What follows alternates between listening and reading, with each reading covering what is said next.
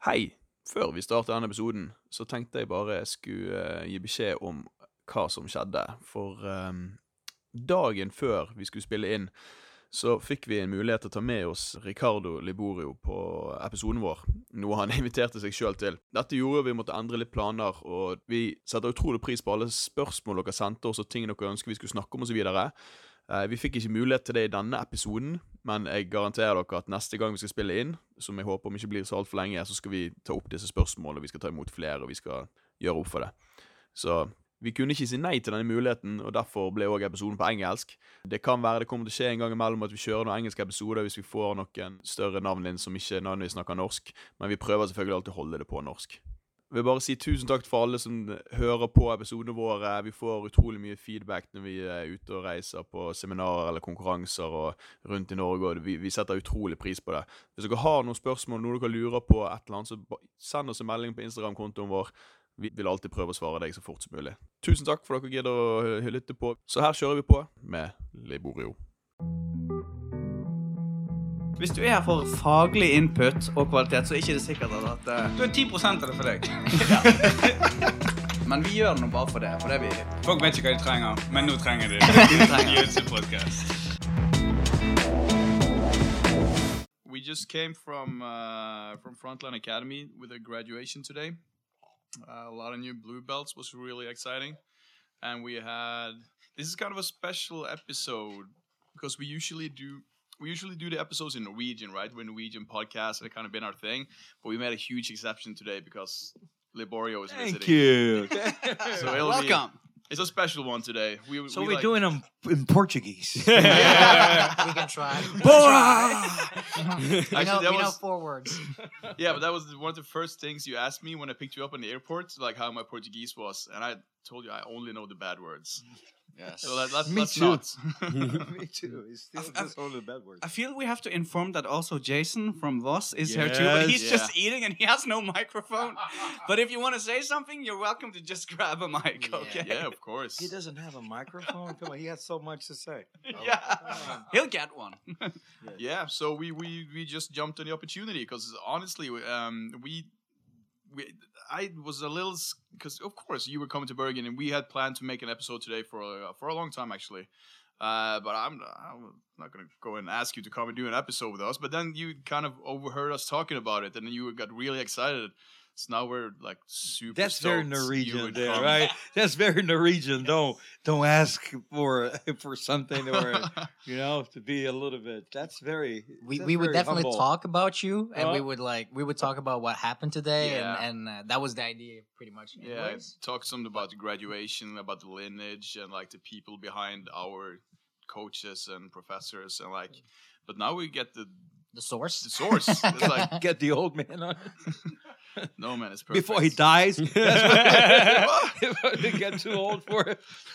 It's an honor to be here, guys. Thank you. It's funny about this is how much more I got to know more the culture and, and the you know the Norway. I I keep saying this, but it's not a joke. That's why it's always going to work well for our lineage here because I think everybody, the whole entire country, seems like the same goal.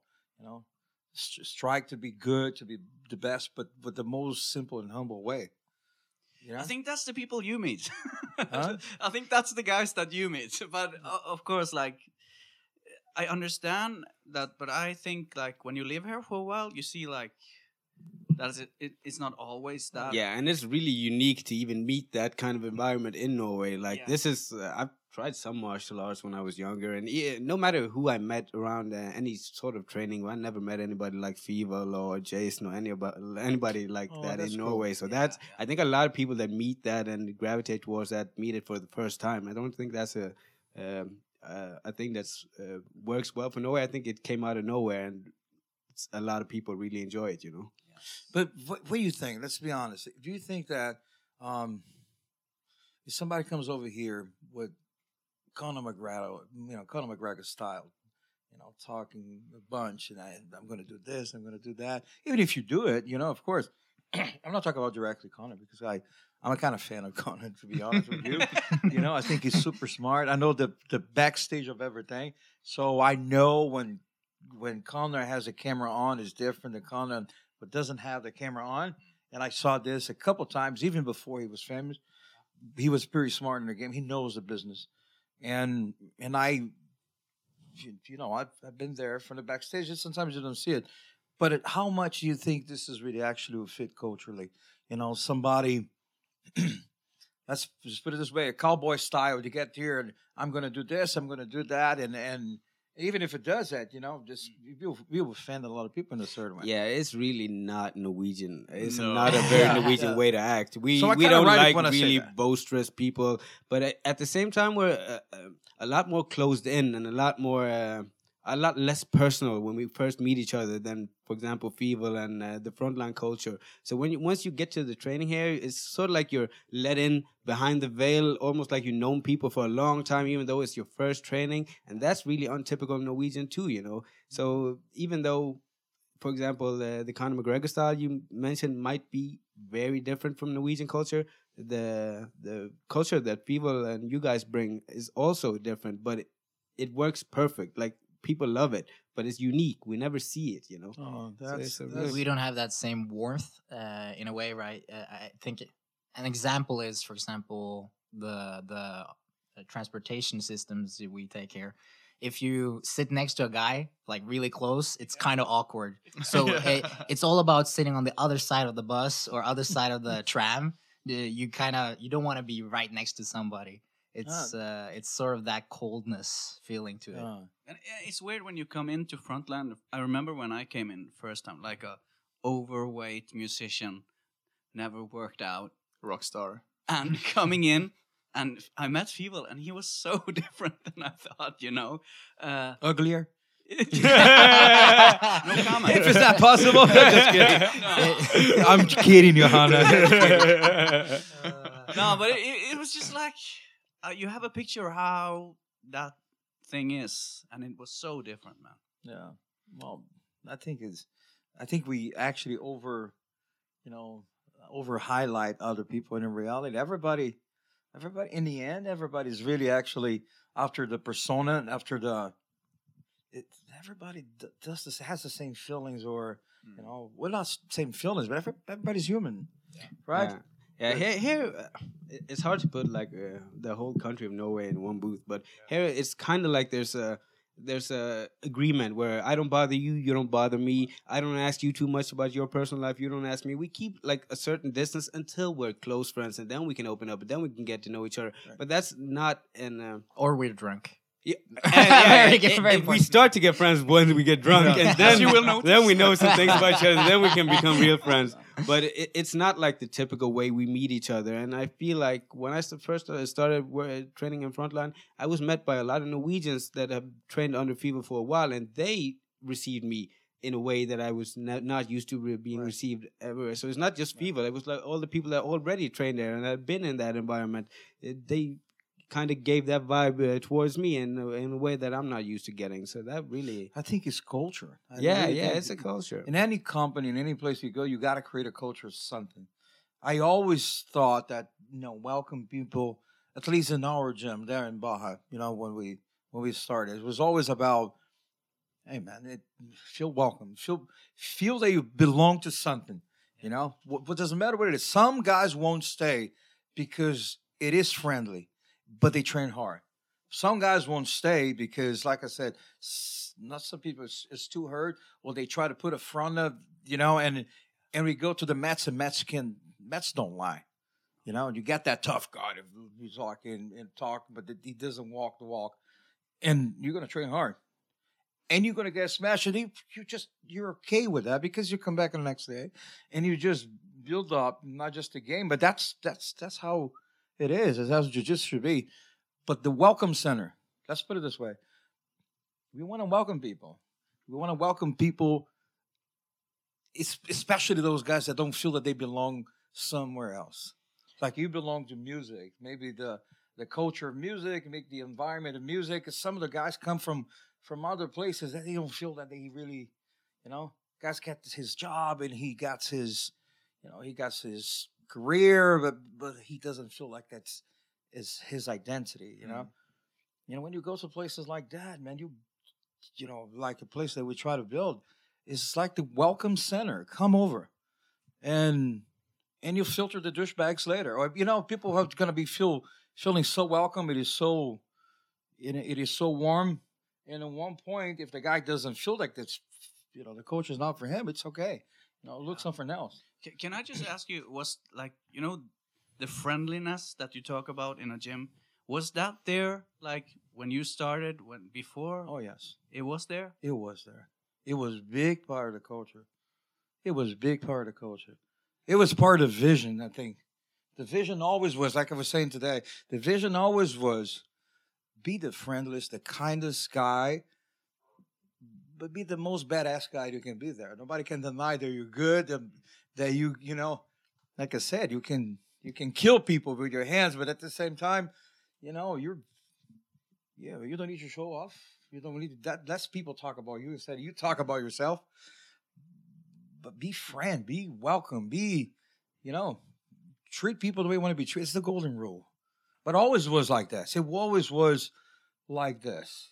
You know, in terms of, yeah, treat people well. That's it. That's that's the key. So should we?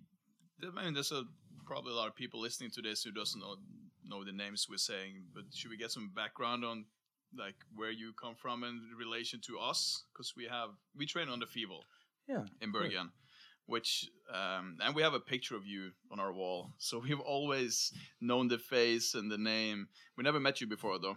Um, but um, what what happened? How did you get to know Feeble? Fivo was walking in our school. He was nine years old. His father was, his father always trained um, a lot. And like he was saying today, his father was very good friends with Renzo. He was actually from from the lineage, you know, the Gracies or Barra Gracie. At the time, it was Barra Gracie.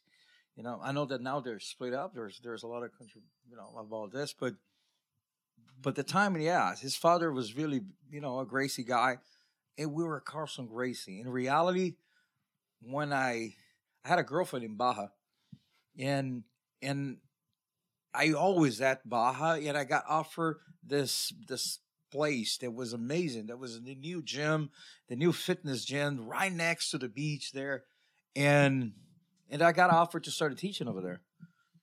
And Murilo Bustamante, Murilo is, my friend since I was a kid. I used to live with him. And I say, Murilo, let's go there. I don't think I can do it every day. You can come with me. and Murilo came just a little bit. But I started teaching. It was the name of the place was Academia da Praia. So it was, was a very hot, very, very popular place at the time. It was was the new thing. And and I started teaching over there. I think I was I was just had won the world championship. So I was kind of, you know, uh, highlighted, you know, in a certain way. So a lot of people came. A lot of people came. But it was interesting because everything, every place else was Barra Gracie. Because Barra Gracie is not even 300 meters from that.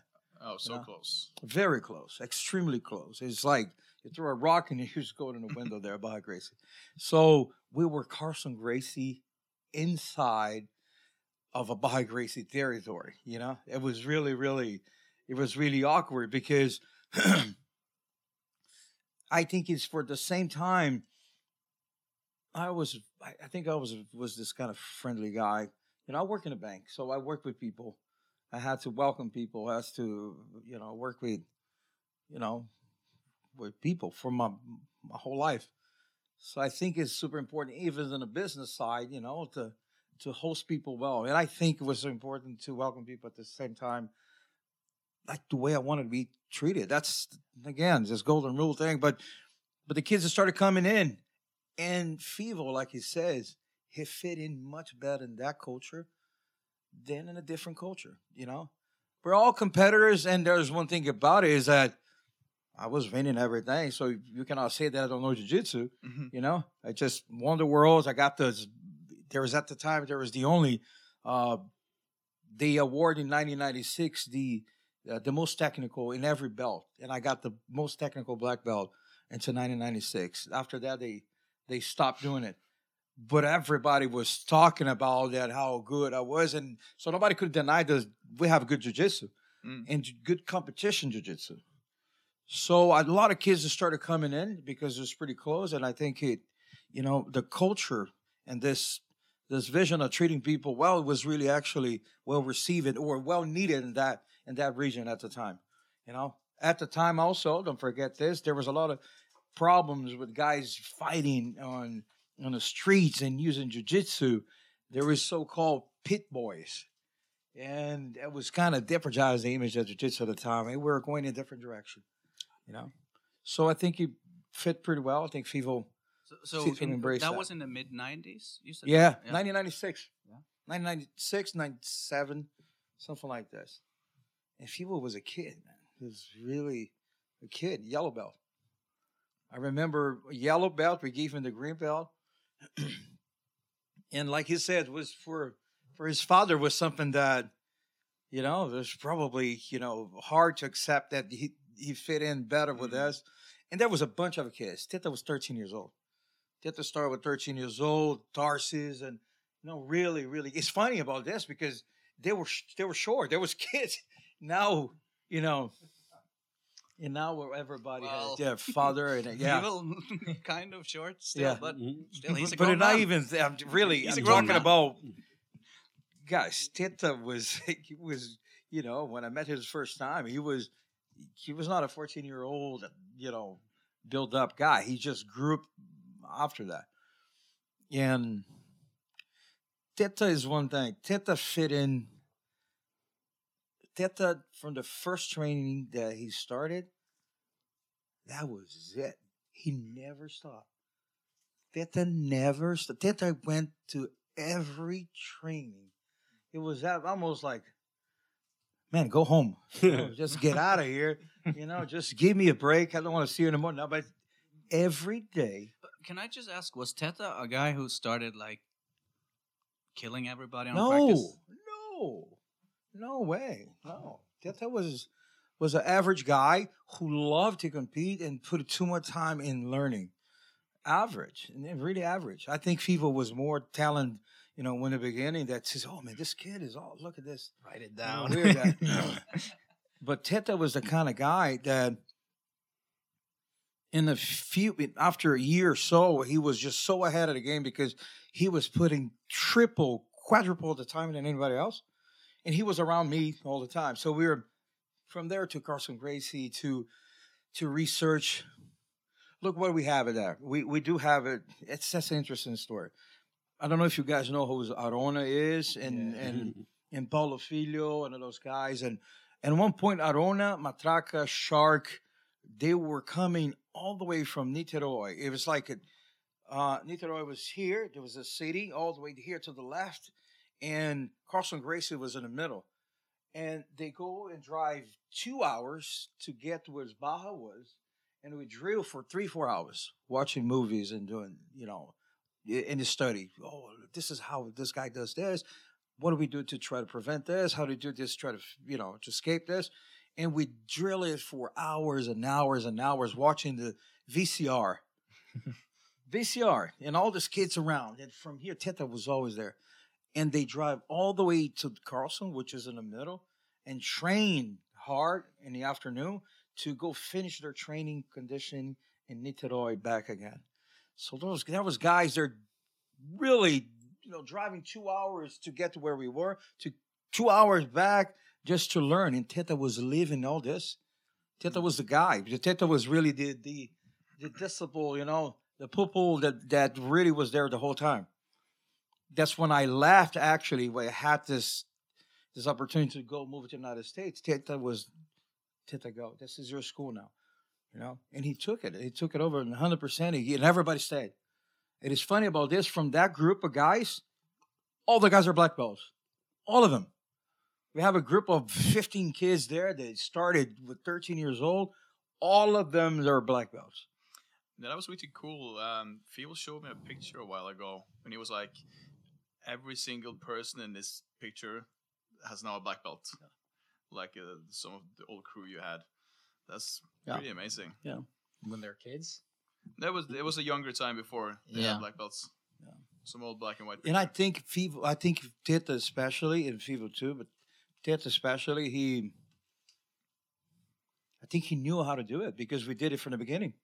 You know, I have a mm. lot of experience from Carlson Gracie, and this is really the, you know, that school in Barra was the first school that we had it that I really taught it. So when we create a group, we stick with the group for years and years, and you know, if it was decades, we're still together till today. But I- think he knew the process of how to create the environment, how to create that group, and and how to treat people, and and the most important thing, there's way more than way more than jujitsu. Jujitsu is just a glue, you know. But for us at the time, even more than now, for me at least, it was about the environment, and, and it was about it was about putting something special together that was more like a community of guys that have something similar and similar me- mentality on on life than the family itself. You know, family itself. Then then really let's compete every day. You know, competition is more about going together to the competition than come back with all the medals. You, you know what I'm saying? It was more like let's mm. stick together here, and and we and we, we had it that, and people were very driven into that. Let's stick together. You know, let's look at those guys here. They do everything together. That's what it was. Do, do you think that's the addictive thing in in Yeah. jiu-jitsu? It's like, do you think that's the Yeah. thing people get addicted to? I think this, I think jujitsu itself is super cool. It's super smart. You know, it's very physical, but at the same time mental. But you share you share some some deal of of inti- intimacy when you're. That's something weird about go ahead, you know, go hard on each other, try to kill each other, and after that, everybody's so happy that you have that workout and you hug each other. You're like, man, I had a great training today. you know, I got choked out, I got tepid, but it was good. It was so good. You know, I think that's incredible. That the product is amazing. Jiu-jitsu product is amazing. You know, and his mindfulness. I mean, believe me, this is really the new yoga, in my opinion. You know, because you started training, you forget about everything. Mm. You really forget about everything, you know, and you just try to survive, or, or you or you're hunting something there, and you just your mind goes away, and and after the train, you say, oh, man, and after the train, you have the resenha. Resenha is is this word in Portuguese that means a hangout, and you're just hanging out, like talking like we're doing right now, you know, and that's when you build the bond that you're talking about. That that man, I got to know each other. You just I just sweat in your face, you know what I'm saying? you know, yeah, I try to kill you. I'm just in, and you build that. And when you see that there is always common things about it, it's like, you know, like when you go to club, but you you know go to club, you go to bar and you share the beer with someone. It's it's super cool, but you share health with someone, you know, and everybody's going to. It, you're doing some therapy, you're doing some workout, you you know, you're sharing, you know, at least one thing in common with everybody. It's it's better than than drink a, a bottle of alcohol. You know what I'm saying? Yeah, and I never even thought about it as a vehicle of self development or any way of bettering myself. But all of the time, once you spar with somebody and you're really reliant on your training partners and you're really reliant on having a good um, a good relationship with everyone around you because you need them to train, right? So all the time when once you finish the round and once you finish the sparring, if you feel like you went over a line, if you were too competitive or did something that might have uh, might have you cranked something too hard or you went too far or you put in too much effort until you think about it and you go home and you feel like wow maybe I stepped over a line. That's that's not how I want to treat people. Then you have to go back and you have to treat people better. And then you start seeing that you start reflecting on a lot of about how you appear to people and how you treat people and that sort of goes into your everyday life as well it's like Yeah. did I need to be that way to that person even though I could was that really the right thing to do so I but think you see that there there's something interesting on that. I wish I could. I wish I could fix it. Imagine that. You know, I'm training with you, and we have a have a scale that where to go.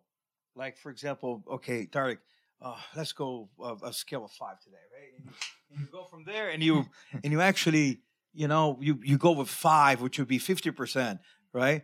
Or you're a competitive guy. I am a competitive guy, and you you and you go hundred percent. You know, some of the guys that you know sometimes you see it, you got a, you know, you got a guy who's a black belt and you go there and you try to kill a white belt or a white belt to try to kill the black belt because they're so competitive and they don't know better. But I think for some reason, I think that it could be a range that we could talk about. Christian, man, but for real, some guy said, man, I'm injured here and it going like crazy. you probably saw this before. We- we For know sure, some for people. sure. Hey, if I just sure. man, just go light and just get the guy try to kill you. But if we imagine if there was something there that you could measure the skill to how to go, how cool that would be. Yeah. Yeah. Because there was one thing, man. I wish that people could do this without just, you know, just have the um, because you get injured when you go crazy. Number one, and number two is you get discouraged when you just get your ass kicked, right? And number three is, you know, I, I wish that was a final way that people could do more, like the white belts and the blue belts. That's the biggest, you know, is the base of the pyramid. You know, that dropped it from jujitsu. Try to figure it out way to stay, because if you stay, not just your jujitsu got better, but your health got better. You know, mentally, if you were in the place that people talk about, like you said, you know, self development. If there is the right person that can mentor you in things, that that, that would work. Yeah, but I feel like it, it it sort of was that way when I started because in the beginning, like you think you're doing kind of well against the blue belts, and oh, I'm a white belt, I'm gonna learn some tricks. I think I got this guy. Oh, I'm getting closer, I'm getting closer, and then suddenly the guy just turns it up a notch, and then it's really like, oh no, Now, that was guy was just going really easy on me. Now he's going a bit less easy on me, but he still probably has more in the tank. So I felt that was a lot of the times when I went with hi- higher belts or even just basically just blue belts when I started in my in the club. It was just blue belts, and yeah, and, and they were so kind. And even though even though uh, you sort of uh, put in too much effort, they always held back. Yeah. So I felt once I got my blue belt, I felt obligated to do the same Yeah. uh, to to other white belts and try to uh, not not let people smash me or not give away everything, but go at a pace where they could also get something out of the Yeah. role, you know. I feel like we really developed that uh, culture in our club where people like if you're kind of competitive, it's really hard to hold back. Like if if there's a chance I might get you and there's a chance you might get me, then it's probably gonna go quite quickly up to hundred. You know, But if there's a big discrepancy, then a lot of people hold back, and I see that a lot. me and Sipo just had a really proud moment a few weeks ago on the open mat where we like both came in like cold. We didn't, so we're gonna warm up because we usually go a little hard, Mhm. and we I don't think we rolled for like 20 minutes in a like 50% pace, just technical, moving all the way till like really, really getting warm and adjusted. And Fivo walks in, and like both of us just looks at him like, "You see what we did here? We we didn't fuck each other up yet." Mm-hmm. I think he, I think he even came in and commented, commented Yeah. like, "Oh, I w- just two more minutes and you both are gonna be dead." And it's like, no, no, no, not this time. We're Yeah, actually yeah. going at a pace. We're just- Yeah. we've been Was going so 25 proud. minutes and we're not even Did, destroyed. did you ever did you ever try, for example, train with no time but no submissions? Number one. Yeah, actually. Yeah. No, I no, don't think no time and no submission. Yeah, no, no- submission uh, that you gotta train with just no time right there, or, or put thirty minutes, something Yeah. like Yeah. like you usually don't do it, and no submissions. You it's not even go to submissions. You go to position, you transition. You can you can even stay too long on it. Man, it is a workout. yeah, but that's It just- is a workout. good It's one. awesome. Because we do uh, the open mat in the weekends, we don't have a timer on, so we just keep going. But usually we do submissions as well, right? So you get the small stops and the breaks and Yeah. resets. But uh, yeah, And type of a workout, that's really a Yeah, great oh, I'll- workout. I remember actually, like when you start training, you, you when you're like been training for like just like six months. It's like you you're really focused on like you you, you watch people do submissions, right? And you don't think about the point thing. Yeah. And I remember actually like having this what you call it epiphany thing Right? when I saw people really good at scoring points, how badass that was to watch. Like when people started to comment when they scored points on me, it was just like another level of rolling. It's just like, like you're just under like 20 points now. Just like it was so important to learn that stuff. Yeah, Yeah. yeah. Yeah. I It- think it was to me. It was like really important because when you come in, you're just like, oh, they look good. They submit people. You know what I like it? I was talking to Jason about this. It was like, like for for the first classes for me for adults, this is what I do first. It, a little brief story about what the sport is and how to start it and, and our lineage. How important how important is our lineage because we're so close to the source of everything. We're so close, guys. Remember Maeda, Carlos, Carlson, me, you know, Teta, Fivo. That's so close to who started this thing. Yeah, it's It is. It's inc- it's crazy. Mm. Like I mean, you think you just started late, man? You, were you know beginning everything. Those guys, they were live in my lifetime. I told this story. I think it was to Jason. I don't know. In my lifetime, Carlson invited me to a barbecue in his house in Teresópolis, which was in a mountain there in Brazil, and and I would sit down at a table with Carlos Gracie, Helio Gracie, and Carlson. I remember, like it was today. That was a table right there. Carlos Just was there. Helio was, you know, Helio was there. Carlson was here, and I was here. Some other guys there. I remember this at the it's the living room. That was that was in my lifetime. Those guys who created Yeah. this shit was alive.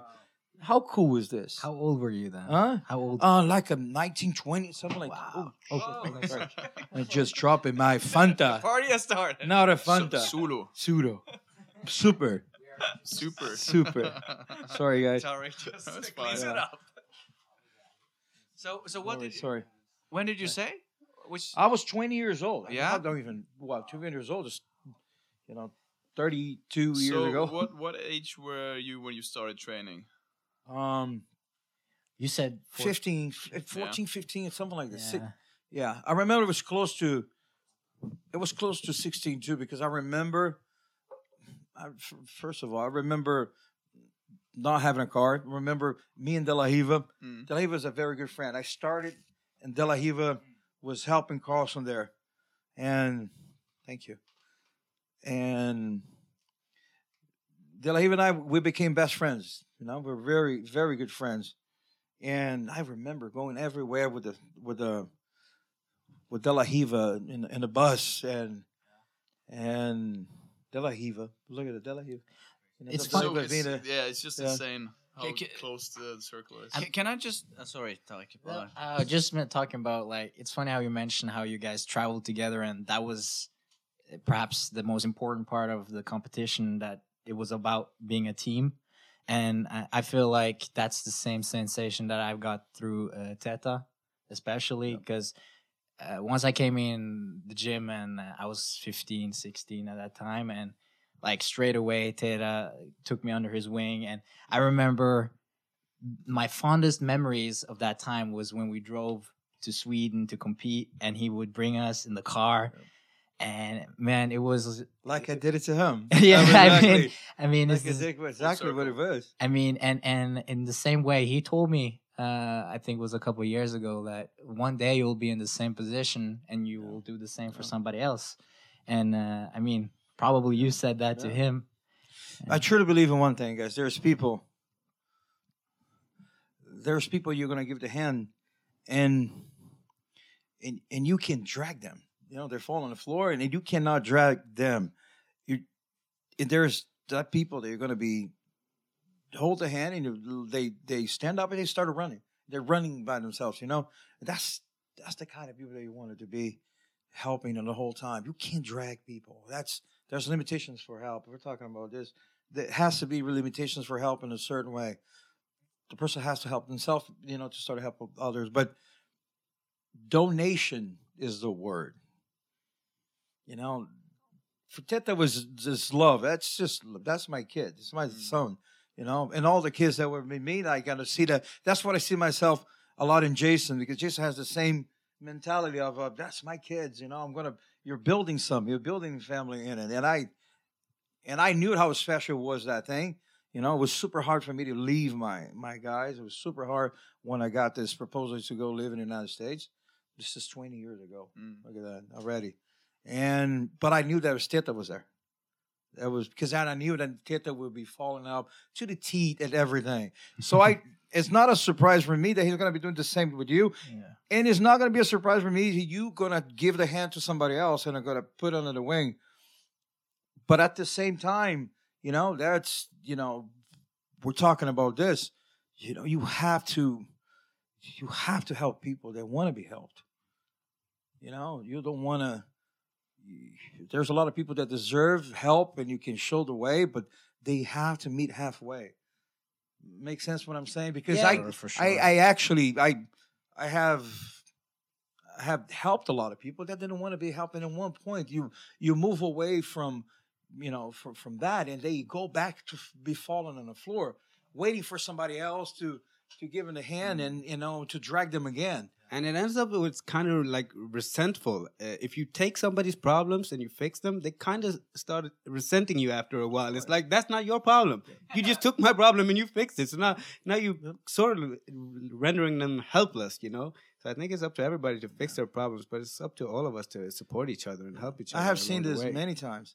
I think this philanthropy, charity, or whatever you you decide to call it, also is is so much part of what, in a certain way, Brazilian culture is because you don't have much, you have to share. You know, there is that too. You you have to share. Um, some people or share, some people try to steal it. That's much of what happened there, and which is super wrong. You know, I mean, you know, and what what I try to say here, I think, is is just that it's part of the culture to be charitable. It's part of culture to actually help and share whatever you have there. Like a, I, I guarantee Tita would take the shirt out of his body to give it to you, you know. Oh, right. And that's that's the way that Mm. that's the way you're brought up in a certain way. You share your Well, socks. we've, it's always been like this, in my opinion, in, in this club, like since day one, and it, it come to a point now where you know, you know, we have a Facebook group, like uh, just for all the members. And it's just whenever you need something, I know you can just, if you're a little comfortable, you just post a message there, and someone will always help you out, like always. I like moving stuff or Yeah, anything. It's it's all of a sudden, everything. twenty people show up, and like it's it's always Yeah. like this. I really, really it's appreciate pretty it. nice community. and that's community. Yeah. Hey, you're just thinking about it always competition. No, man, it's community. Is er, that's that's how our countries are are built, right? You know, you go from there. That's whole division. Division.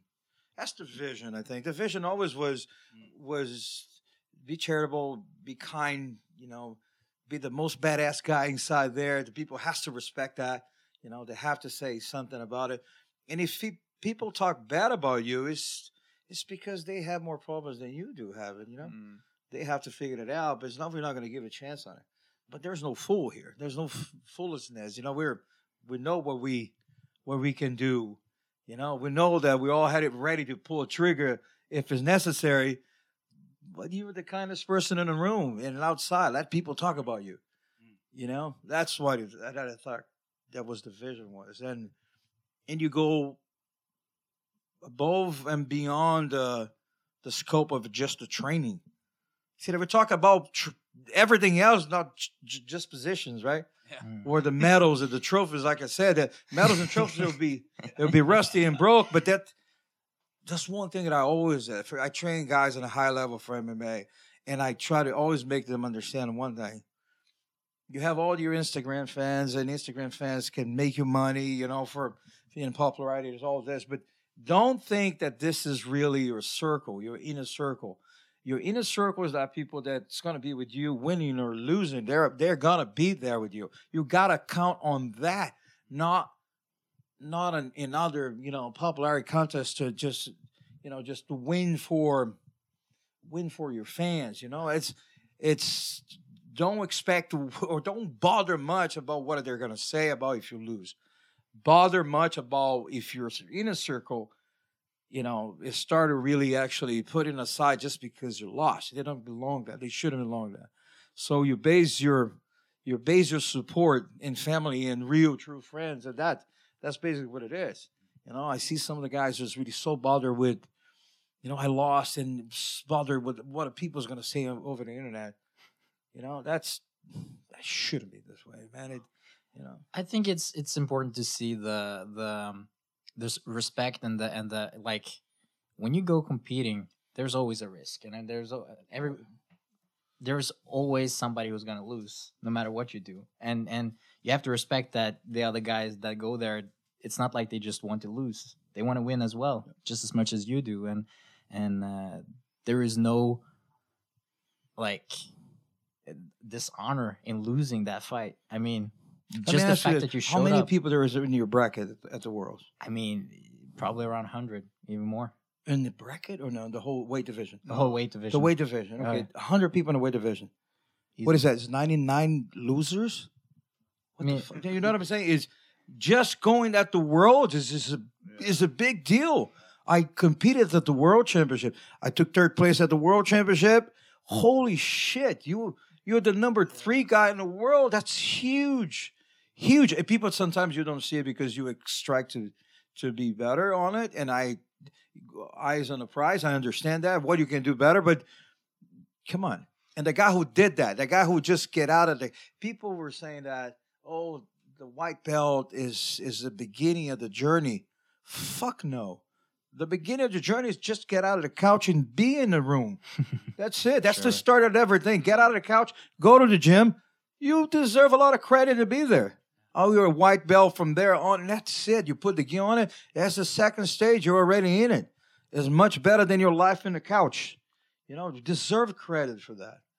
That's that's what I'm trying to say is, man, do it because you. I always, I always talk about the why. The why. Why? Why you? Why you compete?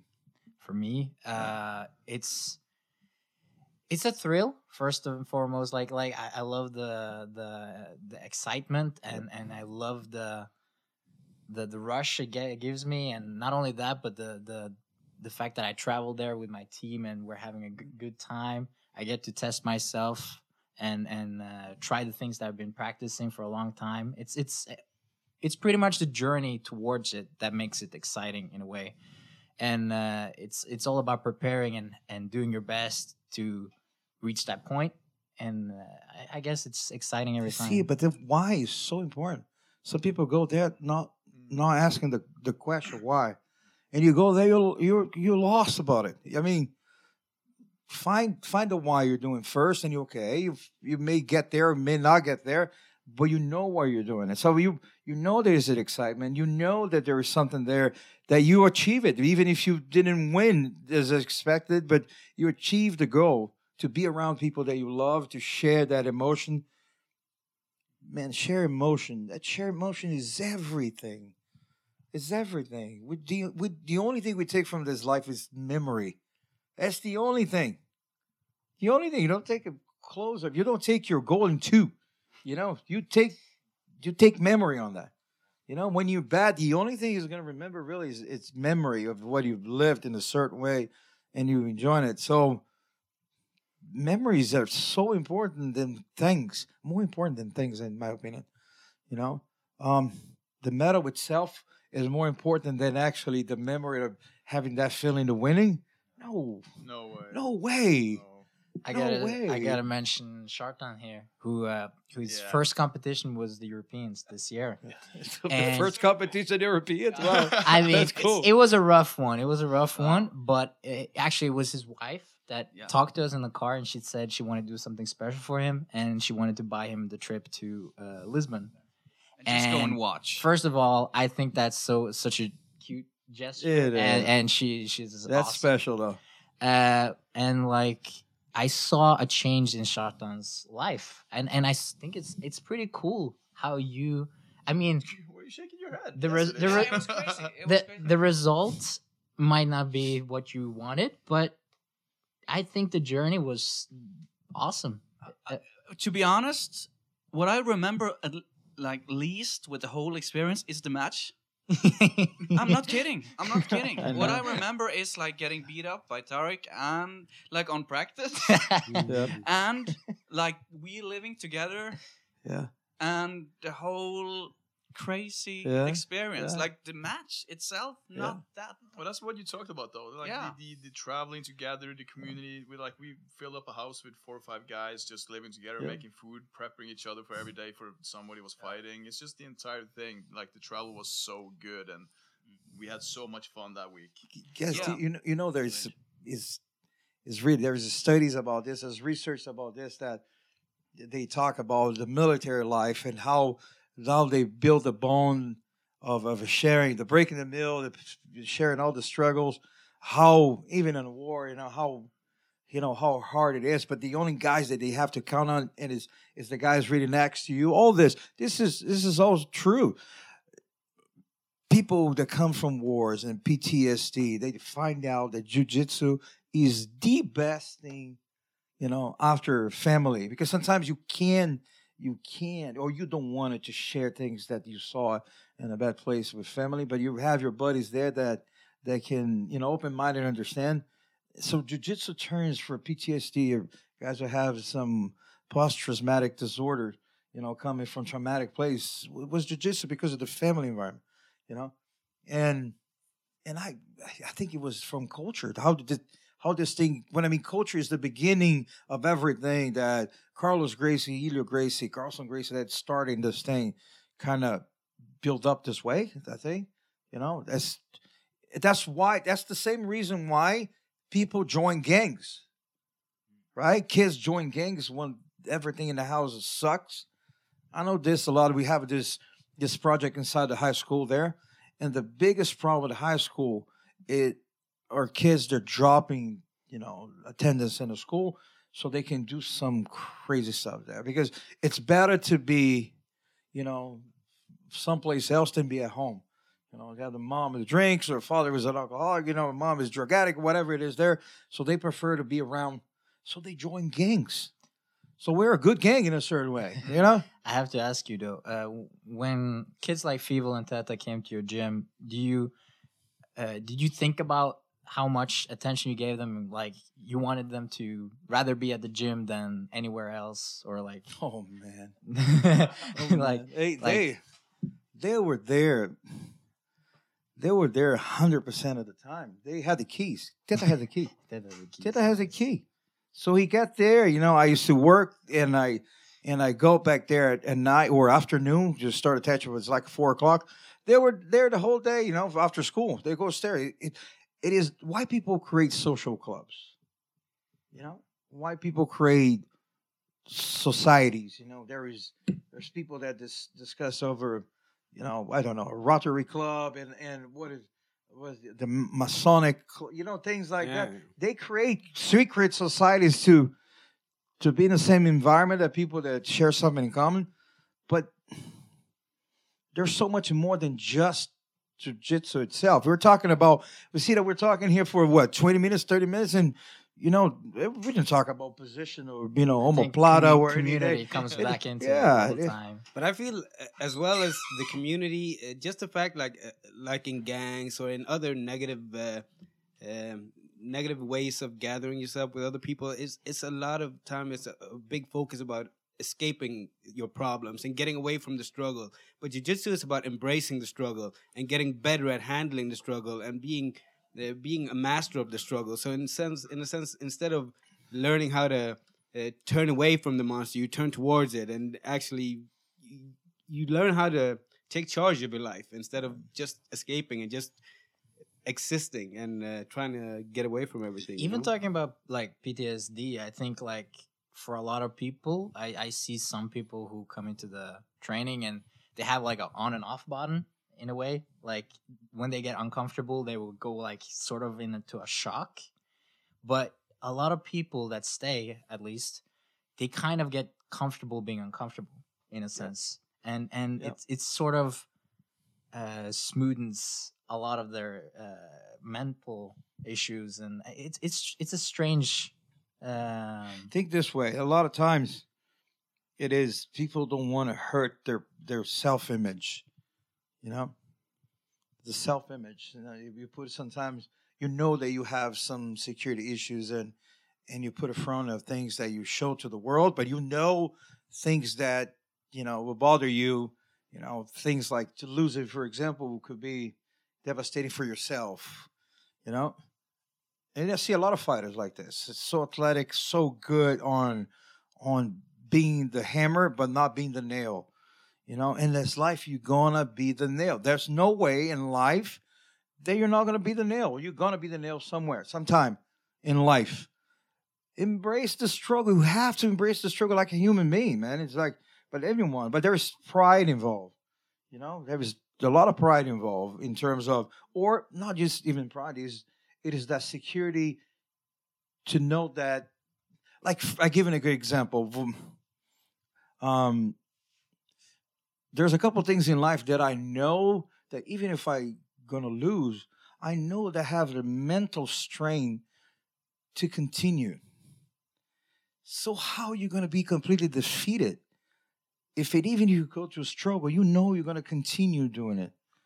You understand what I'm saying? It's like, okay, I lost, and life goes on. You know, that's that's what it is. Mm-hmm. Figure it out, adapt, and you and you're just going on. Did you lost before? Did you lost the matches before? You know, well, you're gonna quit because you lost it. But that's that's jujitsu. That's real jujitsu.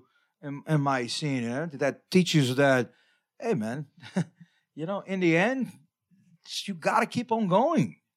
You gotta do this. You just do it. You know, you just don't quit if you if your self image is destroyed. That's why you got to give a lot of credit guys that compete. Like like you said, a competition guy. People are not afraid to go there get hurt in competition. People are always afraid to be embarrassed in front of other people. That's what it is. That's what scares people. It is not getting hurt. Oh my God, if you get hurt, you're never going to train. If you're afraid to get hurt, you're not going to be training. But embarrassing in front of other people, be it's one of the biggest fears of human beings be singled out in a, in a certain way and and if you have the confidence to you know that you're going to keep on going as hurt as it get, hurts pass you know you just just want to comment on Yeah. what you said because a friend of mine i tried to explain him explain him what we're doing and you know how that is but uh and i tried to explain that part with losing on the mat and accepting that you're losing and try to get better. And he was kind of asking me so are you are you like learning how to become a loser? It's like nah that sounds not right. Yeah. like what is a loser. You know what's a Yeah. loser? A loser is that guy who doesn't or a loser is that guy who make great comments behind the computer who doesn't move his ass out of the couch to do something that's benefit for his mental state or his physical state or somebody else. That's a fucking loser to me. You know what I'm saying? It's it's very simple. Especially we are living in that age of of a judging with the social media, and everybody has always a comment about how he could win that match or he could play that soccer game better or but they they had no clue on on what's happened. It's okay. It's it's, it's part of life of that. You know you can't even judge those guys because some of those guys you don't even know his life or what it is. But how are you gonna take serious? It, it would, i would take serious if if it you know if if if to talk about my game because he's there. He's in the group. That's why that's why every athlete respects a lot the generation of athlete that competes with them you know because they know what it takes to be there you know about a loser what is a loser loser is the quitter if you don't quit are you going to be a loser no Learning As- from defeat is not losing. right? no, it's the best thing you can teach your kids in a certain way. It's a desire to win. It's something inbred in your heart, man. You, you know, it's a lot of things you can learn about it, but the really pursuit of of of winning. It's something. There's a lot to do with your desires to achieve things in your life, but and there's leadership. There's the way you're brought up. There's a lot of things you can do it, but how do you take a loss? how you gather your pieces when everything went wrong and you keep on doing that's the best single lesson you can teach your kids because you know sadness turns into frustration frustration turns into despair and if you if you're not frustrated enough to be despair fuck man how many last panic attacks you would have it Yeah. you know what I'm saying? How many less depression, less less anxiety you have it if you say it, okay, man, I lost, but I guess what? Fucking quitter. I'm not, you Mm. know, I'm not gonna quit here. I'm not gonna let myself to be destroyed because something like that. Um, that's lessons they learn. You know, that's the, the I, I just think that the best service that we can have about this is talk about this and implement the culture about this. Yeah. You know, that's a, it and and you know, you let people know more about it. That really, it's not just the medals about it. It's not just to be the superhuman bad guy. It's just hanging out with your guys, have that physical contact of of a working out and and learn. Man, learn to be better person. You know. Can I just ask you uh, Yeah. a, a- question? It's something else, but Yeah, yeah. did you go to Florida? Like you live in Florida now, right? Yeah. But I live in you, Orlando. Yeah. Have you been there? Like how all all the way? No, twenty years ago. Why?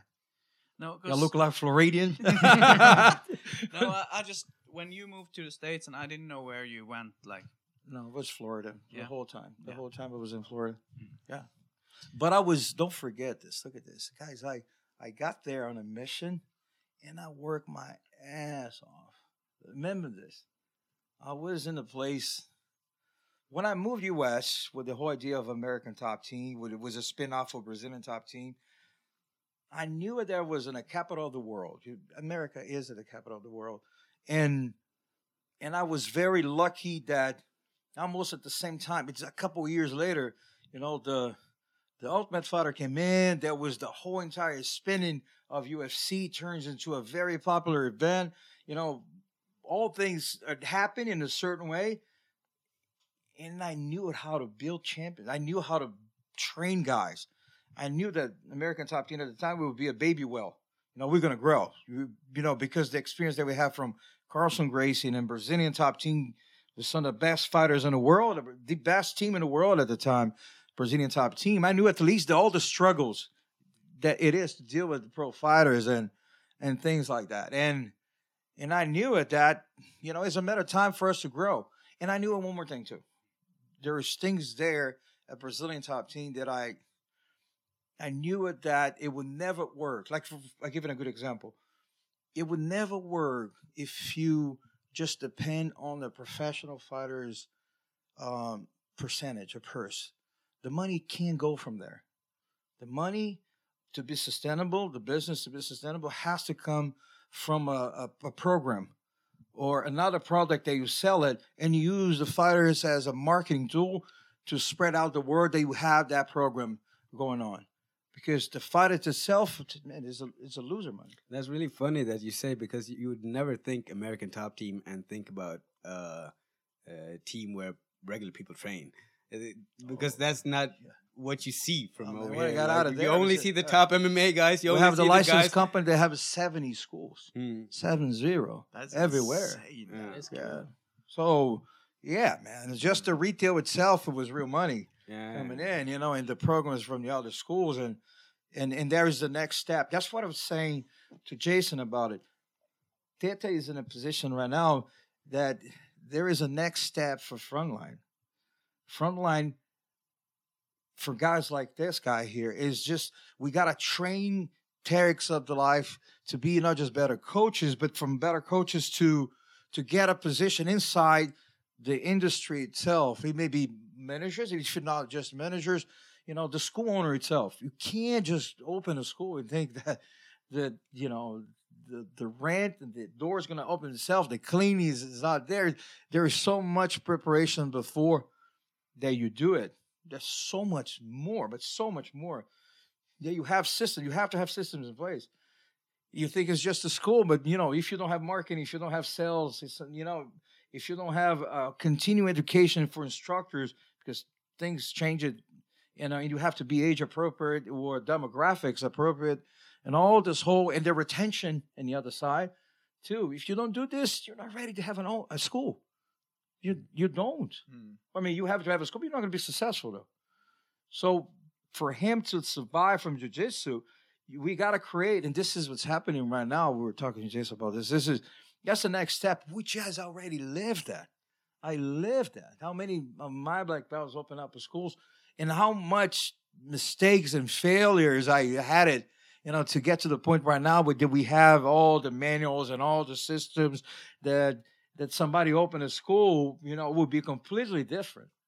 You know, there's it's a completely different world now. It's more specific, it's more professional, which is perfect for him, perfect for Tarek. That that he he's going to be able to get access to things like that, you know, and his study again, guys. Education again. You gotta You gotta study, you gotta research, you gotta go there. When I moved to US was like, who's successful, why they're successful. You know, I remember sitting down with a big um, big guy inside the martial arts industry and and I was telling him, man, I have I trained Jeff Monson, I trained this guy, I trained this UFC fighter, I trained this other guy here, you know, and he says, excellent boy, but you don't have any systems in place, you know.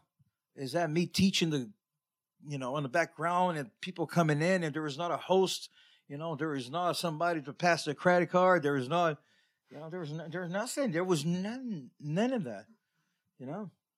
And what happened to the guy who doesn't want to really actually compete? He just want to lose weight and be around, you know, good people and enjoying the enjoying the other stuff. There's so much that I learned from it's, it's learning and failing. But there's one thing I knew it is that I can't be taught. And I was always researched to study. I was always open to study. Study for me, you know, as a Teta too. That's why Teta is always progressing. Mm. We always study. We always had this thing about easy to be mentored. You know, I always see the the role of a mentorship super important. But uh, we always were open to learn. You know, Teta even better, I think, because Teta, for example, he knows his weakness in in a certain way. We're talking about this other day. Is that Teta is so successful being a coach because that's what he is, and he knows that being a coach is what is important to him. You know, when you try to do it a lot of other things, it's it's, it's kind of hard. You know, you know, you try to you try to be in the front desk and teach the class at the same. Yeah. You know what I'm saying? This, no, it says, man, I don't want to get involved on the business side. It's it's not my thing. My thing is teach. You know, my thing is to teach there, and that's why he's like this inspiration to all of us. You know, he's just really is. He's he's amazing. He's amazing. He will be there to teach the class. You know, but get him there to to get a a business meeting to talk about this. He was going to be looking at that. He's getting better though. Is he? I, I, I yeah. think he. But that's I, I see it as well. You know, like it, it's it's not the business part of jiu-jitsu that I love. You yeah. know, yeah. the business is just what comes with it. Yeah. And in the end, you just want to put on the gi and you just want to roll and have fun and learn some techniques. And and I think in the end, you you just want to dodge all of that responsibility outside of it, but uh, it's important at the same time. No, it's you know? okay if you know your weakness. Guys, listen, it, it's okay if you're the owner. You're the owner. It doesn't need to be working in the front desk. It doesn't need to do the administration. You don't. You just know your role that you're the owner, and there are other things exist that's even more important than just to teach the class. You know, and if you really what you love to teach the class, it's okay. But somebody has to be doing this and somebody has to be accountable for this. And the results are results, you know, that numbers don't lie. But if you don't think this is exist, you're way behind at the curveball. You know, it's just not it's not realistic.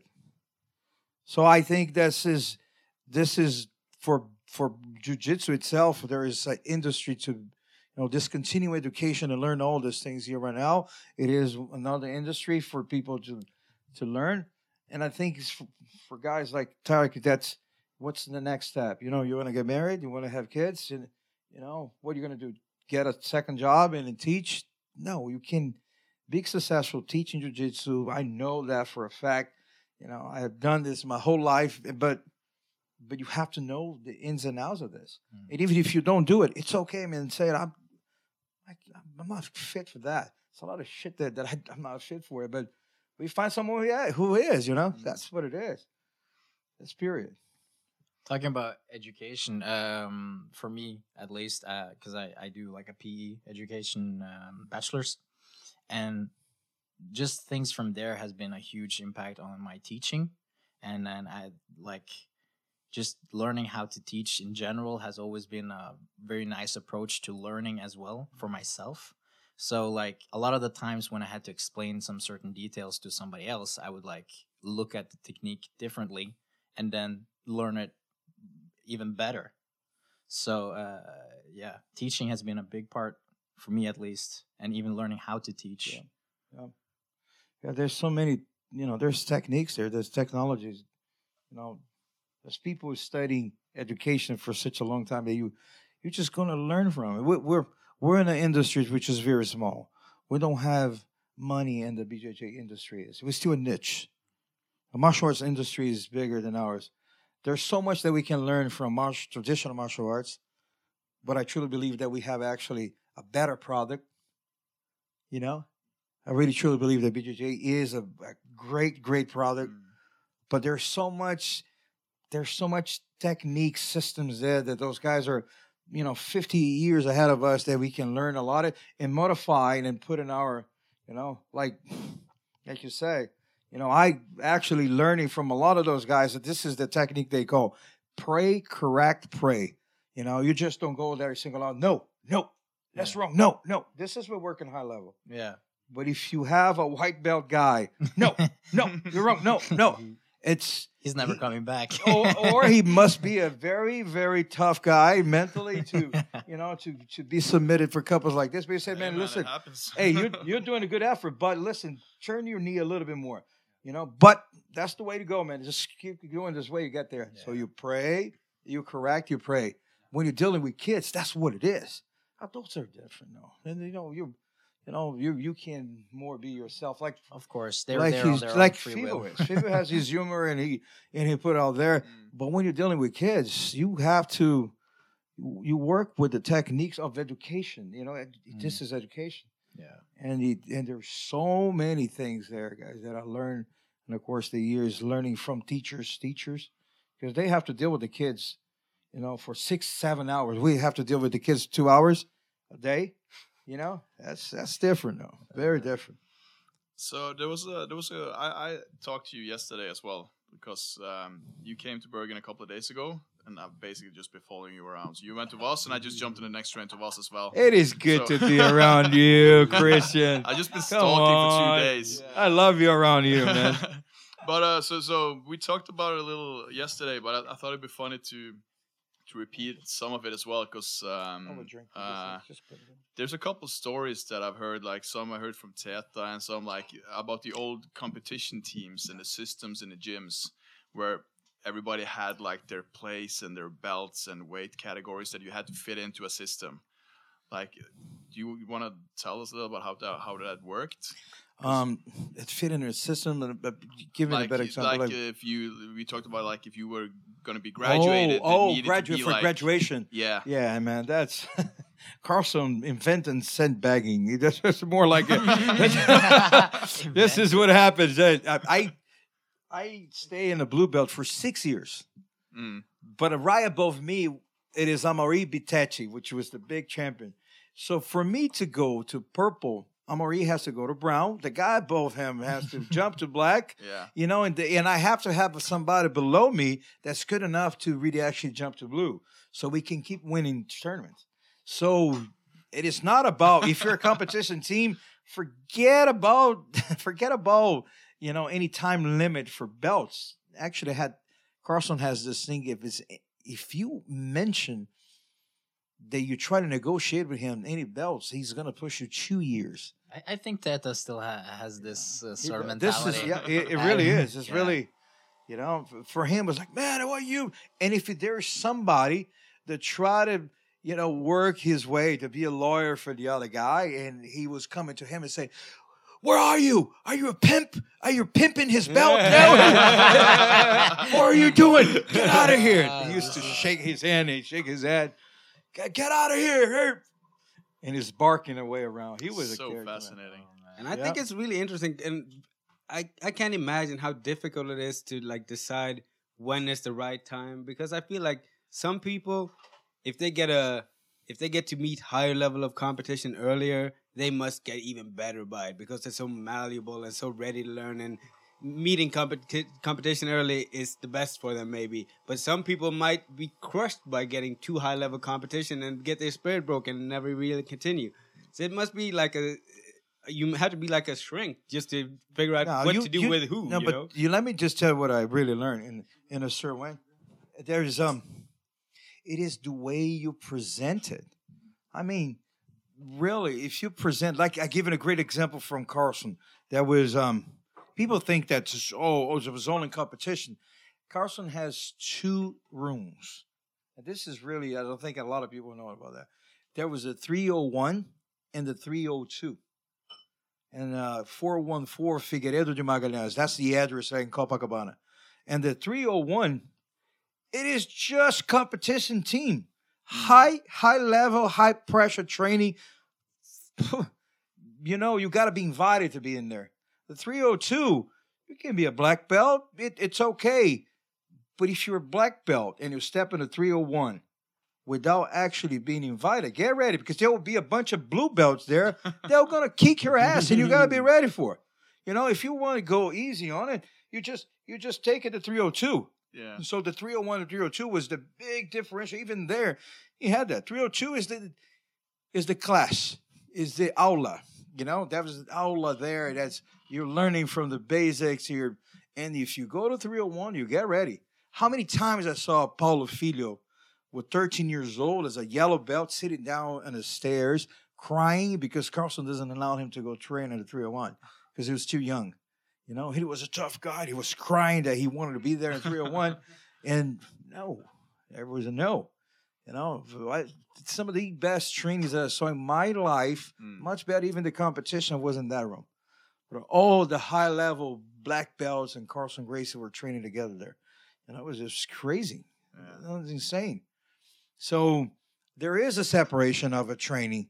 And and if you tell the rules of the engagement, hey, listen, if you want to really compete, you know, like for you, you went to the Eu- Europeans, hey guys, listen, you make sure that you wanted to do this. If you don't wanted to do this, make sure that you're okay with the consequences of doing it. But but that's what it is. Sometimes it's the way you you clarify things, you know, the way you say it. It's like, oh, there, Bichon, you're going. And as much as you try to install, you know, confidence in it, it's you know, there's always a chance. Everybody gets there. There's a chance to lose, even in the best day of your life. Mm. You know, you still have a chance that there is a 10% there that you call it whatever it is nature, destiny, God, whatever you just decide that it's not your day, you're not going to win it. And that's that's okay. You know, that's part of the game. You know, it's, it's sometimes you lose it because it's strategy. Sometimes you lose it because your condition. It was not that. But that, guess what, man? Suck it up. Mm. You know, and keep on moving. That's that's that's what it, you know. That's So where you cool, do it. though. About Yeah. those two rooms, that's so cool. Yeah, it is cool, right? Yeah, It is cool. There's a lot of people talk about this. The 301, it was, it was the shit. yeah, But I think it's kind of like that in Oslo now. We have competition classes, and it, it- even though you're a black belt and you come to those competition classes, you got to get ready for some some hard sparring. You know, and and uh, like all the other classes are more chill, but when once it's competition class, it's like Yeah. the real deal. and, that, and that's it. And there is one thing we're talking about. This is we're talking. Me and Jason were talking about this. Is you can't sugarcoat if you're going to compete. You know, mm. there's levels of competition, of course, but you can't sugarcoat. Come on, man. You you going to got you you wanted to want it. You know, to be prepared for it, and you when you get there, you have to want it to win. That's so not one single match I got there. You know, I got all the ghosts like everybody else in mind, and you know, winning or losing, all the fears that everybody else has. It, but but you have to have that desire to win. Even if you don't want to be there, you have to have the desire to win. You know, to be that, which is that that thing is in the heart of the champion. There is sometimes you can't explain, you know, but don't sugarcoat it. You you cannot mm. just not train and you go over there, even you have the most incredible ability. And at one point, somebody extremely talented who's doing the work, who's mentally ready, because there's the mental stage, and not just the one of the desire is he's he's okay with all the consequence. He's not afraid to lose anymore. He's ready to go. You know? It's it's ready to go because this build up of of be afraid to lose, you know, or be afraid to be embarrassed is a big barrier. In the moment that you break it and you're free from this backpack of pressure, man, you're just gonna perform much better. Why? Because you already lost it. What's the worst that can happen? You know what I'm saying? Let's do it again. It's you know you're coming back again for all the other reason, but you just put it aside. So you mentally develop. It's better. So you now will be able to perform. That's why competition is so important prior, you know, before real career. Because if you if you compete every weekend, man, at one point there you're gonna you're gonna lose, and at one point there, or at least you're not to be afraid to lose. And afraid to lose sometimes is worse than losing because you can't perform. You're so so full of anxiety, and and this is has a lot to do with in your security that you know that even even though you lost, you you know still life after, you know, and you just got to keep trying again and and and release that pressure out, and you just boom laser focus where we want to go. I, I think uh, also if you compete for the wrong reasons, it's really easy to get tired of competing or or fed up with it.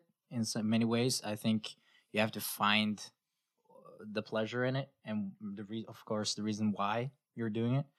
Because I see more and more that some of the guys around me don't want to compete, perhaps uh, mostly because they put the pressure on themselves, uh, especially to win and perform.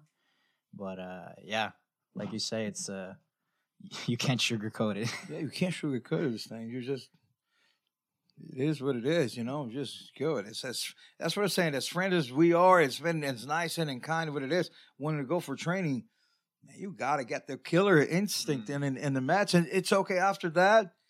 It's everybody hugging each other, everybody, you know, shaking hands. and That's smart. That's okay. It's it's fine.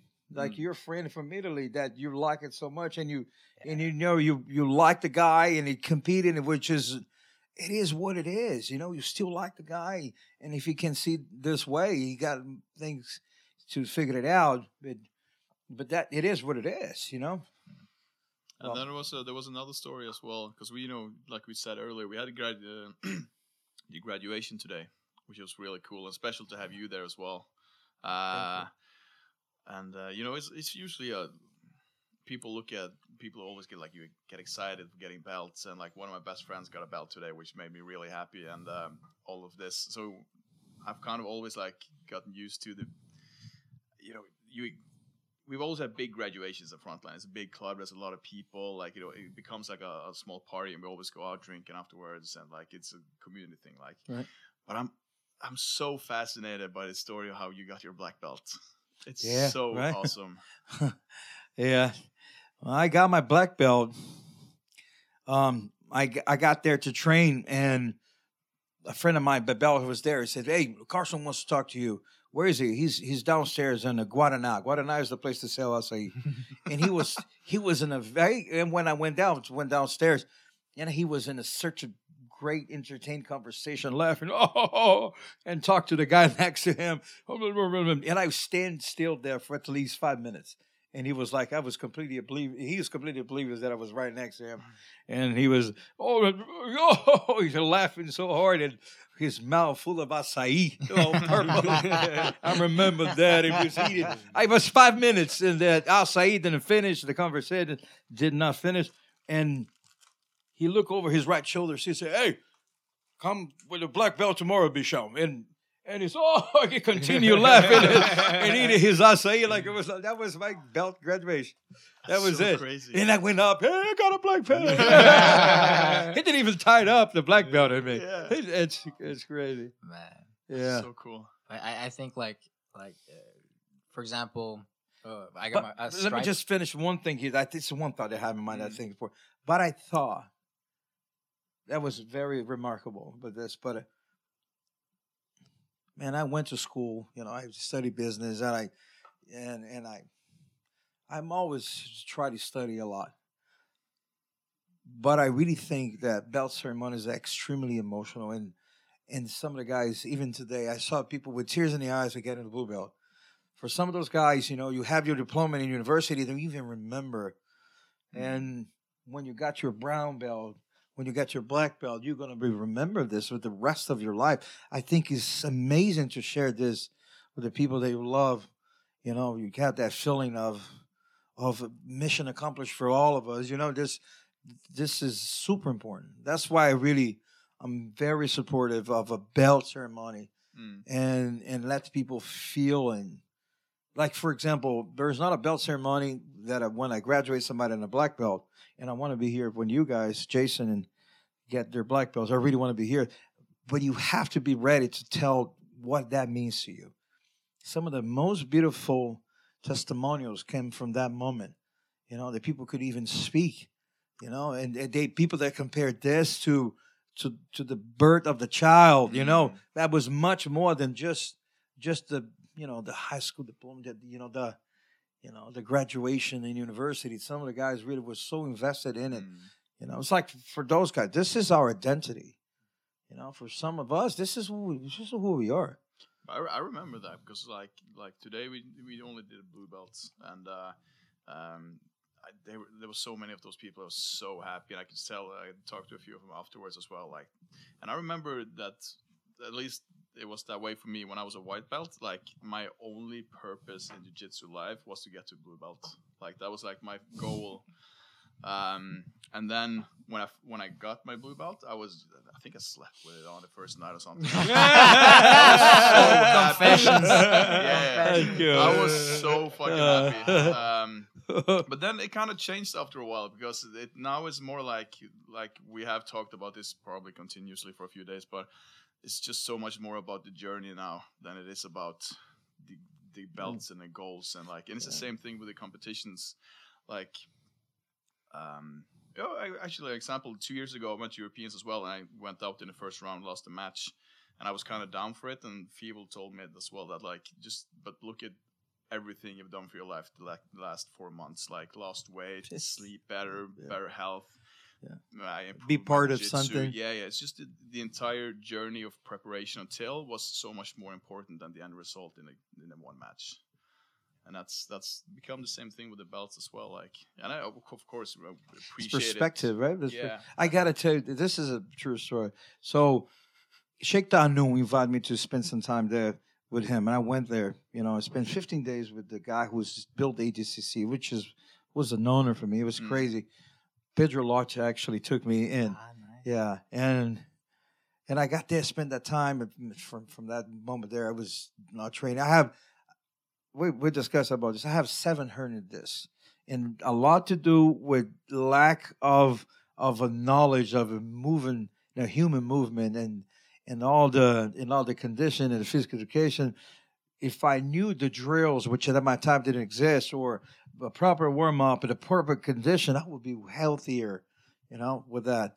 Point is, I spent a long time without without investment in me, and and when I went there, he he looked at me and said, "Oh, the warrior, well, you should compete again," you know. and and he left this way, and I laughed. We came back home. A week later, I received a phone call from Guy Neves, and Guy Neves, which is the right hand man there, he's the president of ADCC. It was Liborio. Um, I have a fight for you. Do you want to compete against Mario Sperry? And even oh, yes. even before I say anything, he says, "He already accepted." Just to let him know if he is okay with that. Said, All right, so let's do it. And I spent 10 months, yeah guys. I remember that 10 months training. which the first three months was really conditioning, was therapy, was 14 years without really doing anything. So three months was really not just he's cleaning the diet and he started doing a real therapy uh, preparation to start a training Mm. and even s- train in that.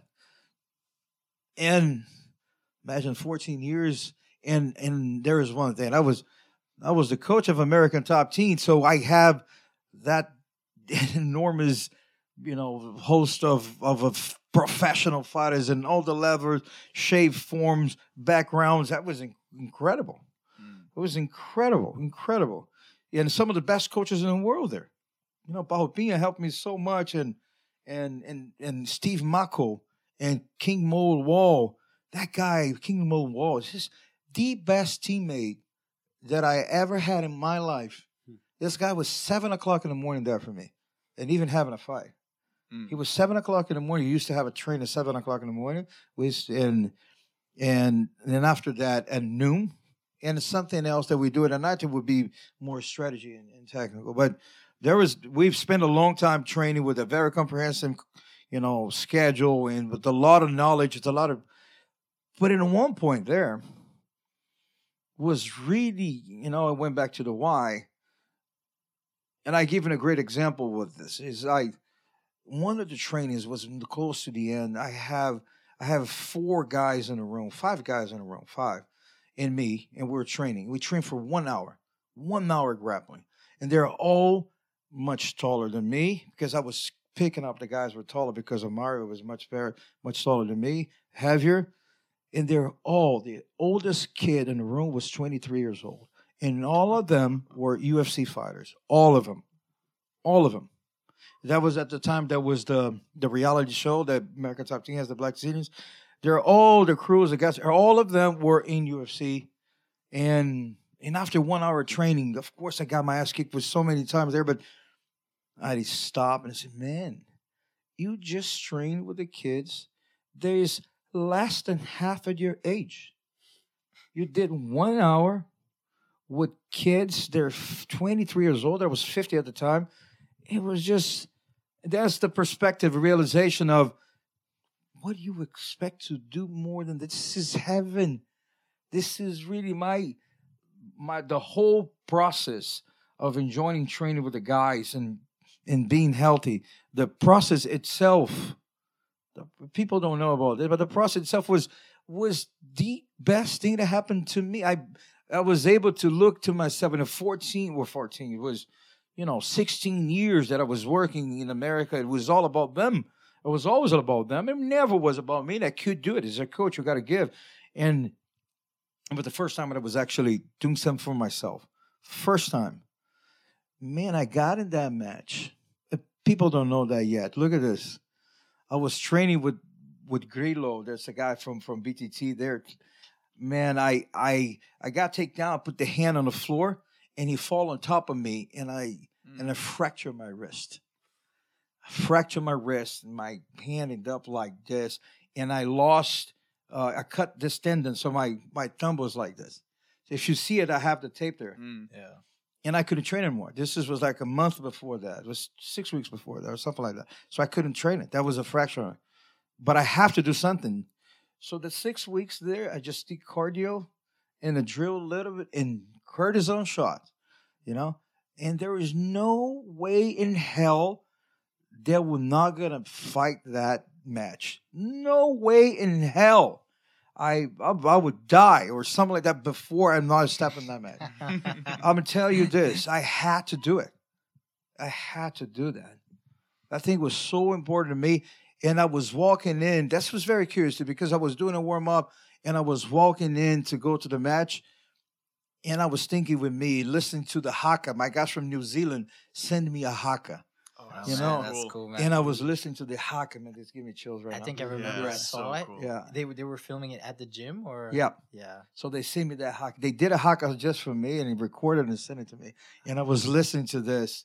Oh my gosh, it's just, it's chills right now. For those who don't understand, he's getting goosebumps right now. Yeah, yeah, yeah. And um, and I got there, and man, I was man, I was ready to go. I said, man, what is the worst that can happen here? Get submitted in 20 seconds. Fucking worth it. Every single thing, absolutely everything that I would, it was worth mm. it. Everything. So like that feeling of the why I was doing it, it was so clear to me the result itself, it was really not, it was really not the most important thing. I was so ready for anything there because mentally I knew also I got lost. Okay. Oh, people are going to say that I suck. Okay. I can take it. I can take it. And I did that for myself. I did that because I wanted to so bad. And the plus I won. But that, that was, uh, yeah, that was, you know, that was the just cherry on top. But besides that, that was I remember it so well. I was so it made me so happy to see how happy Teta was after the fight. Yeah, That was but so that's cool. enough. This says a lot, right? And a lot of people. that was the first match. person Yeah. that I called. The first person I called to be in my in my corner Mm. was Teta. That was the first person that I called. And Yeah. I remember watching that match when everybody's storming the mat Yeah. afterwards. Uh, I actually wanted Teta in my corner. I don't know what happened that he wasn't there. yeah, because that was Palpine and, in Murilo, and but Yeah. I wanted Teta in there with me, and I really that was the first guy that told me, "Man, I you got to be there with me." Mm. You know him, Tarsis, that- another kid from Yeah. you know from from the gecko. All the kids, all the kids from the you know Baja Beach, which was the guy from the Baja there, or the gym from the Baja. Everybody was there, and everybody with their black belts. It was man, So it nice. was it was so cool. If you don't know, you can't pass it on. if you don't have an educational process, even this is this is an educational process. But if you don't if you don't stipulate a couple rules or culture, what do you expect it? You know, like this thing. If there is a culture of of going hard, and everybody knows that culture is going hard, you know, it's just it's okay. If you just go soft and suddenly you turn the heat on, you know, what do you expect? That somebody has to be talking about things, you know. Um, so this is important for us to to keep the, Mm. the the torch, to keep the vision on it, you know, and and and the filter what is what is not contributing for it. I I was telling Jason about that. This is so. Until yesterday in his place, I never thought too much about this thing about picture there, you know. But yesterday I was in Jason's place, and I and I got out of there and said, "Man, if I die, my picture is here." You know, that's that's continuing my my memory. I have something in my house that is it's is you know that's our corner there that my my Ash's mom's or dad, my wife's Ash's sister and mother are there. You know, I mm-hmm. have a picture of my father. That was our little sanctuary there to to, to memory. You know, our our our people. And I I would just get out of there and say, man, if I die, he said somebody's gonna remember me. This is the biggest accomplishment that that somebody can have it. Mm. You know, I felt like, man, this is amazing. I never was connected to this directly. I never, never did ever until yesterday's just seeing a picture and something clicked, and I said, man, this is this is beautiful. Look what my guys did for me. You know, this is amazing, and I'm so honored about that. I'm so appreciative of that, and I, you know, I'm talking about this, and I, I just. And one day your pictures will be involved with those guys too, and and just passing on the torch, and that's that's the vision, I think. You know, Mm. And and Fivo and Teta always speak really highly of you, but Yeah. even even hearing somebody describe somebody else, you can never actually make up. A I hope you're not picture of who disappointed. that person is. so it was really No. amazing just to get to meet you and oh, get Oh, to know come you. on, a guys! bit Don't better. believe in everything. And I feel sort of feel sort of like we got to know people and Teta a bit better just by seeing who you are. So that was Oh, really I- amazing. I'm I'm glad that I just feel like th- I I was telling the guys is that's home, man, for me, because I traveled everywhere. You guys know that. 'cause I'm always on the road, and there's places that that's amazing. It's amazing it is, but I don't have that connection of of being in the same lineage so direct that you guys are. You know, that's you guys are you guys are my legacy. This is what I live to the world. That's that's that's it. Man, I think we gotta wrap it up. We've been going for a while now. Uh, how long? One and a half hour. Holy Yeah. shit! Yeah, really? time flies Yeah. fast. We I, got a full episode. I, I man. think we covered just like one subject. So Yeah, we, I know. Could have gone forever. I've Uh, never heard Sipo being so quiet in an episode before. This is my record for shutting up. oh my god! Talk a lot today, huh? uh, Holy No, but moly! it, it's it's amazing to hear from you, man. It's uh, it's cool to see Oh, how man. the roots. that's your that's your roots there. You know, Yeah. that's your legacy.